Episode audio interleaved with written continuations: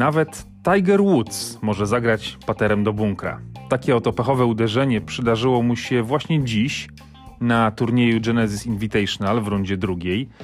Jest tam bardzo wyjątkowy dołek, szósty, dołek par 3, z bunkrem w środku greenu. No, takich dołków to wiele na świecie nie ma. I Woods zagrał pierwszym uderzeniem na green, więc wydawało się, że wszystko świetnie, ale flaga stała po drugiej stronie bunkra.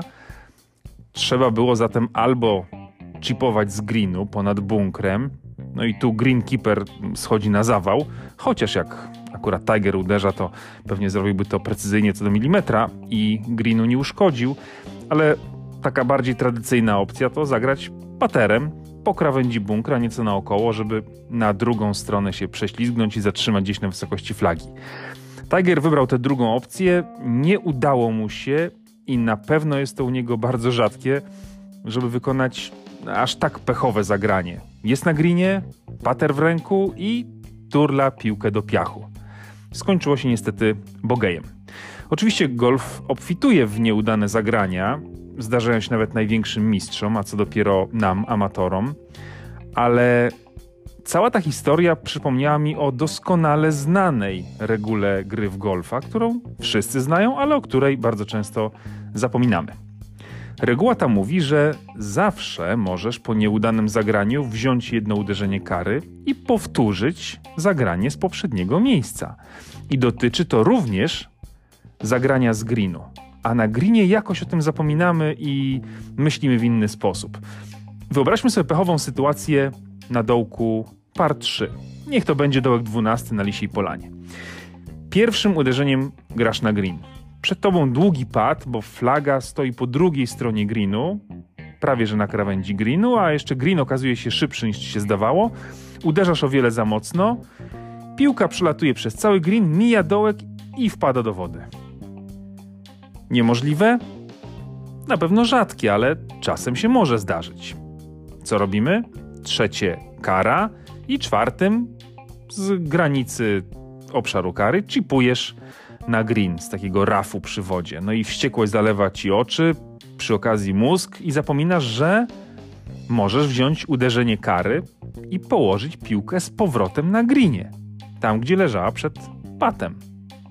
I grasz czwarte paterem z greenu.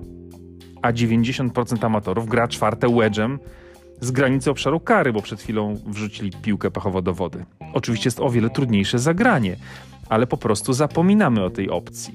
I podobnie może się zdarzyć na wielu innych greenach, na których zbyt mocne uderzenie pakuje piłkę na przykład właśnie do bunkra. Znam wiele osób, które z bunkra radzą sobie słabiutko, sam nie zawsze dobrze z bunkra gram i dla tych wszystkich osób o wiele lepszą opcją jest położenie piłki jeszcze raz na greenie i ponowne wykonanie pata z jednym uderzeniem kary. Warto tak zrobić, gdy na przykład bardzo nam słabo idzie gra z bunkra, albo gdy bunkry są w fatalnym stanie, co się często zdarza, albo gdy piłka wpadła do niezagrabionego śladu po buci i widać, że z pomyślnym wybiciem będziemy mieli mnóstwo kłopotów. I to jest tylko kilka przykładów sytuacji, w których naprawdę warto wziąć punkcik kary i ponowić uderzenie z poprzedniego miejsca. Tylko trzeba na chłodno pomyśleć i przypomnieć sobie o tej opcji w odpowiednim momencie, a nie na przykład po czwartym nieudanym walnięciu w piach i po tym, jak piłka nadal z tego bunkra nie wyszła. Wtedy to już natraciliśmy tyle uderzeń, że za późno na taką konkluzję. Zdarza się, że pakujemy się w kłopoty, a potem tracimy kilka uderzeń na próbie wyjścia z beznadziejnej sytuacji. A może lepiej wrócić w poprzednie miejsce? A ja wracam na Genesis Invitational. Adrian zaczął swoją drugą rundę po dwóch dołkach minus jeden, więc zobaczymy, czy skutecznie powalczy dziś o możliwość gry przez cały weekend. Oby. Z kolei nasz klubowy weekend golfowy to jeszcze, jeszcze nie dziś, jeszcze nie teraz. Prognoza jest fatalna akurat na najbliższą sobotę i niedzielę, ale jak pomyślę sobie, że za półtora tygodnia już jest marzec, to jakoś nadzieja wstępuje w moje serce.